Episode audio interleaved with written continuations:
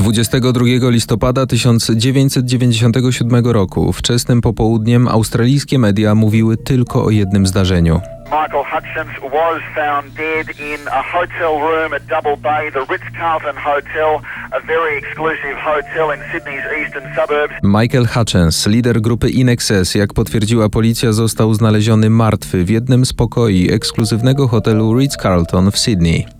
Samobójstwo, morderstwo, czy może nieszczęśliwy wypadek? Jak potoczyłoby się jego życie, gdyby nie pechowy incydent w Kopenhadze pięć lat wcześniej i przede wszystkim Jaki naprawdę był gwiazdor rocka, ulubieniec kobiet i chłopak o hipnotyzującym spojrzeniu, jak nazywały go jego partnerki. Dzięki, że znów tu jesteście i słuchacie kolejnego odcinka podcastu. Mateusz Opyrchał. Cześć, witajcie. Poznaj tajemnicze okoliczności śmierci gwiazd. Ostatnie dni legendy. Zawsze staram się być z wami szczery i zwykle bez problemu przyznaję się do pewnych zaniedbań i znowu muszę to zrobić. Otóż nigdy nie było mi po drodze z grupą InXS. Wiedziałem, że istnieją, wiedziałem, że mają mega ciekawą nazwę. Znałem kilka numerów, oglądałem kilka koncertów, jak wszyscy tańczyłem do Need You Tonight. Podziwiałem zamgloną Pragę oczywiście w Never Tear Us Apart, tak dokładnie tego słynnego kawałka z reklamy. Wiedziałem, że ich piosenki są raczej monotematyczne, raczej o miłości i o seksie, z czym wcale się nie kryli. Sam Hutchins przecież mówił, że większość ich numerów jest o seksie. Jednego nie wiedziałem. Jaki naprawdę był Michael Hutchins? I teraz bardzo tego żałuję, bo po obejrzeniu kilku dokumentów ta postać budzi ogromne zainteresowanie i dowiadując się nowych informacji o nim, automatycznie sięga się po muzykę zespołu. Oto jest chyba definicja doskonałego lidera. Michael Hutchins urodził się na przedmieściach Sydney, w rodzinie, w której muzyka była bardzo ważnym elementem życia, choć nikt nie zajmował się nią zawodowo. Jego rodzice najczęściej słuchali soulu. On sam kochał Aretę Franklin. Często powtarzał, że jej głos potrafi wprawić go w pozytywny nastrój, że wsłuchując się w jej wokal, wpada w trans. Oprócz muzyki, w życiu bardzo ważne dla niego były książki. Był wprost zaczytany w poezji i amerykańskich bitnikach. Hutchins od dziecka żył w swoim świecie. Świecie, który kreował sobie na podstawie literatury i muzyki, której aktualnie słuchał. Jak wspominają bliscy, był marzycielem. W szkole i w towarzystwie totalnie nieśmiałym chłopcem, wiecznie zamyślony, bardzo skryty w sobie. Nauczyciele nie wróżyli mu wybitnej kariery patrząc na jego oceny i zaangażowanie. On wolał rozwijać się we własnym zakresie, chodzić swoimi ścieżkami. Miał duszę artysty, tak samo jak spojrzenie i wrażliwość. Tak opisywały go jego partnerki. To chyba nawet słowa Kylie Minogue, z którą był w związku i która zresztą odegrała bardzo ważną rolę w jego życiu. Czytając o nim, miałem wrażenie, że w sumie każda z jego partnerek wniosła do jego życia bardzo wiele i on wiele dał w zamian. Prywatnie był duszą towarzystwa. Przyjaciele wspominają go jako tę najważniejszą postać w grupie. Kiedy on był w pokoju, przyciągał uwagę, chciało się go słuchać, a on niesamowicie potrafił słuchać drugiego człowieka, bo ludzie byli dla niego bardzo istotni. Sam w jednym z wywiadów na pytanie, czego najbardziej się boi, odpowiedział: chyba braku bliskiej osoby obok. Swoją nieśmiałość leczył na scenie i to bardzo szybko okazało się, że zespół jest dla niego najlepszą terapią. Dużo mówi się o tym, że od początku był gotową gwiazdą rocka. Miał w sobie wszystko, co mieć powinien: talent, wokal, wygląd, charyzmę i miłość do muzyki. Od roku 1987 wszystko w jego życiu powoli zaczęło się zmieniać. Światło dzienne ujrzał album Kick, który wyniósł Inexes na szczyt list przebojów przecież. Nie mówię tutaj tylko o Australii, byli wtedy bardzo popularni w Wielkiej Brytanii i na całym świecie. Trasy koncertowe trwały nieprzerwanie. Jak sam wspominał w wywiadach, w ciągu dnia miał dla siebie mniej więcej dwie godziny. Pozostały czas zabierały koncerty, podróże, próby, hotele itd. Tak itd. Tak w roku 87 jawił się jako gwiazdor rocka, ale bardzo nieśmiały gwiazdor i totalnie niepewny siebie.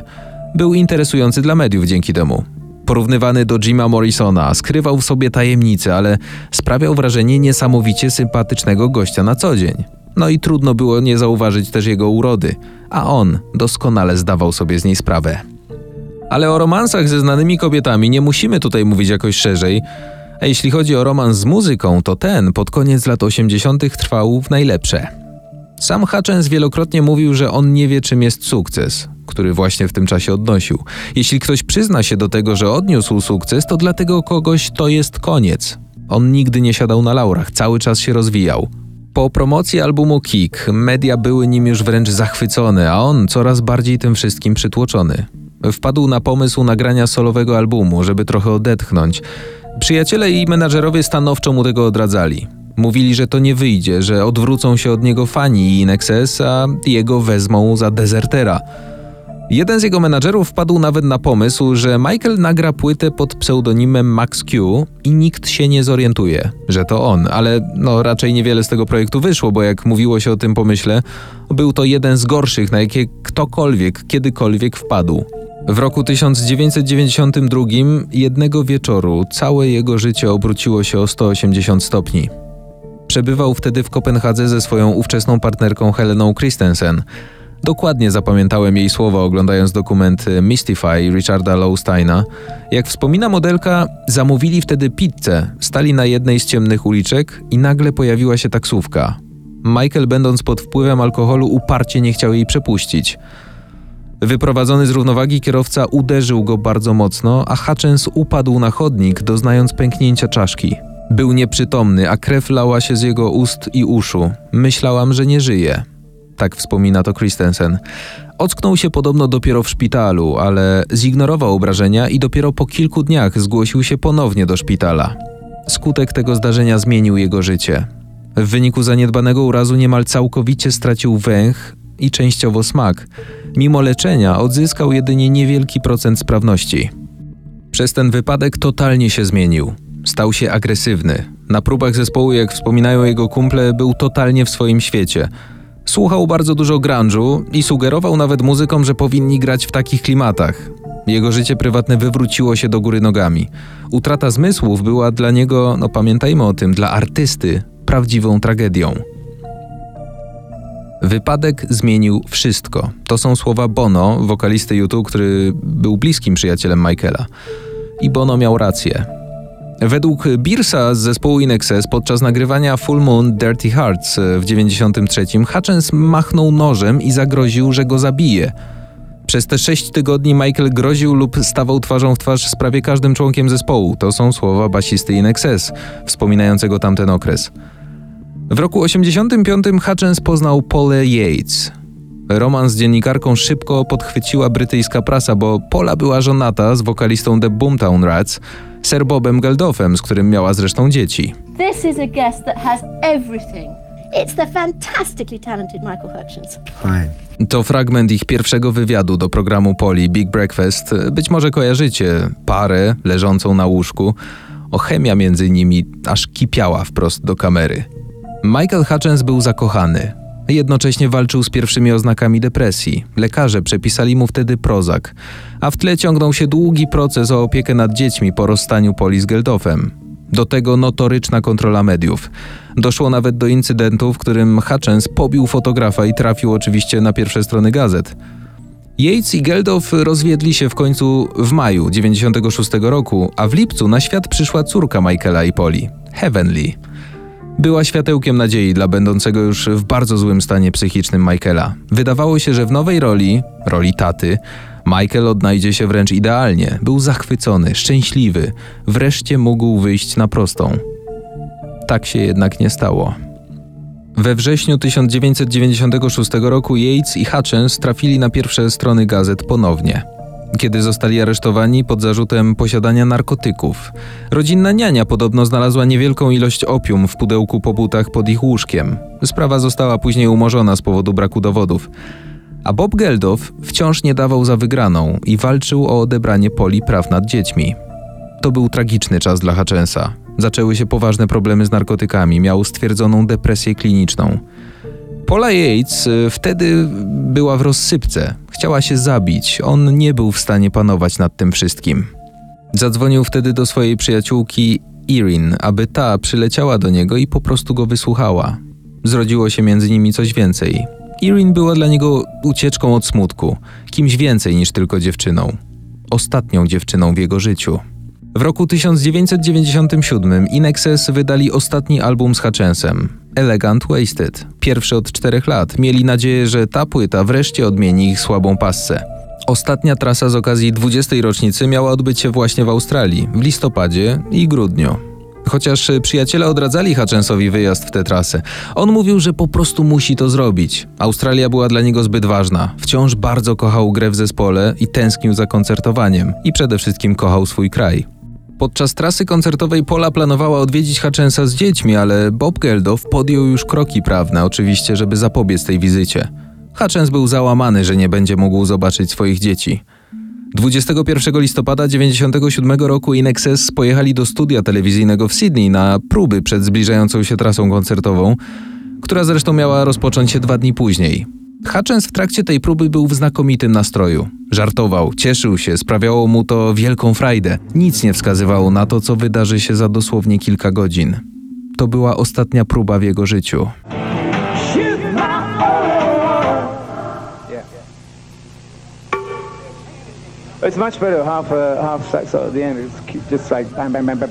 Noc z 21 na 22 listopada Hutchens spędził w pokoju hotelowym razem z przyjaciółką Kim Wilson i kumplem Andrew Raymentem między 11 wieczorem a 5 nad ranem. Michael najwyraźniej chciał, aby ktoś był po prostu blisko niego i dał mu wsparcie, kiedy był totalnie załamany faktem, że nie będzie mógł zobaczyć swoich dzieci. Spędzili tę noc pijąc alkohol. Kiedy jego przyjaciele opuścili pokój hotelowy, Hutchens totalnie się załamał. Rankiem 22 listopada Sir Bob Geldof odebrał od niego dwa telefony. Pierwszy około godziny 5.30, bardzo krótki, w którym poprosił Hutchensa, by ten do niego oddzwonił. Chwilę potem do Michaela zadzwoniła Pola, a on powiedział jej, że zamierza błagać Geldofa o pozwolenie na puszczenie dzieci do Australii. Ta jednak zakomunikowała Michaelowi, że sprawa opieki nad dziećmi nie została zakończona, została odroczona do 17 grudnia i ona nie zamierza przyjeżdżać z dziećmi do niego. I just said it's been postponed. Um, I can't come until um, after the 17th of December. To Paula Yates w pierwszym wywiadzie, jaki udzieliła po śmierci Michaela. Wywiad dla 60 Minutes Australia. Hutchins był załamany, jednocześnie wściekły. Zadzwonił wtedy po raz drugi do Geldofa, ale już w zupełnie innym tonie, wciąż jednak błagając byłego męża Poli, by ten zgodził się na przekazanie opieki. W pokoju obok Hutchensa przebywała tego ranka niejaka Gail Coward, która jak czytałem potwierdziła męski, wzburzony głos dochodzący z za ściany około piątej nad ranem. O 9.38 Hutchins zadzwonił do swojej menadżerki, Murphy Trope, i nagrał jej wiadomość na automatyczną sekretarkę. Marto, tu Michael. Mam dość. Traub próbowała oddzwonić kilka godzin później, kiedy się obudziła, ale nikt już wtedy nie odebrał.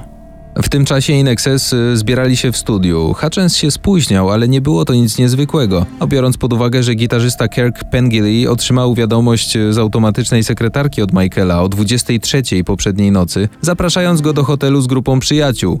No, jego spóźnienie tego ranka nie było dla niego szokiem. O 9.54 Hutchins wykonał ostatni telefon do byłej dziewczyny, Michelle Bennett, płacząc i błagając o spotkanie. Przyjechała jak najszybciej mogła, o 10.40 próbowała wejść do pokoju, ale nikt nie otwierał. Zdezorientowana wyszła, zostawiając tylko notkę w recepcji. O 11.50 drzwi udało się otworzyć pokojówce. Michael Hutchins został znaleziony martwy w pokoju numer 524 w hotelu Carlton Ritz w Sydney. Miał 37 lat. Policja poinformowała, że Hutchins został znaleziony nagi w pozycji klęczącej twarzą do drzwi. Użył paska z wężowej skóry, aby zawiązać węzeł na szyi. Przyjaciele z Inexes czekający na Michaela w studiu włączyli telewizor, by oglądać krykieta, ale zamiast tego usłyszeli dramatyczną wiadomość. The rockstar Michael Hutchins has been found dead at a hotel in Sydney. A short time ago, police confirmed he hanged himself. Hutchins, singer and partner of the television presenter Paula Yates, was in Australia for a series of anniversary concerts with his group, In Excess. Po jego śmierci zrodziło się kilka przedziwnych teorii. Oprócz samobójstwa podejrzewano zabójstwo. To teoria brata Michaela. A Hutchins miał zginąć w wyniku nieszczęśliwego wypadku spowodowanego asfiksją autoerotyczną.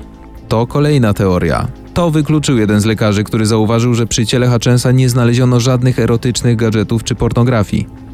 Pola w tym samym wywiadzie, który już się tutaj pojawił, zapewniała, że Michael nie mógł popełnić samobójstwa.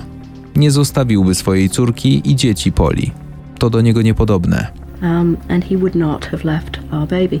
Never, never, never, never, never. To nie mogło być samobójstwo, nie mógł tego zrobić, za dobrze go znałam.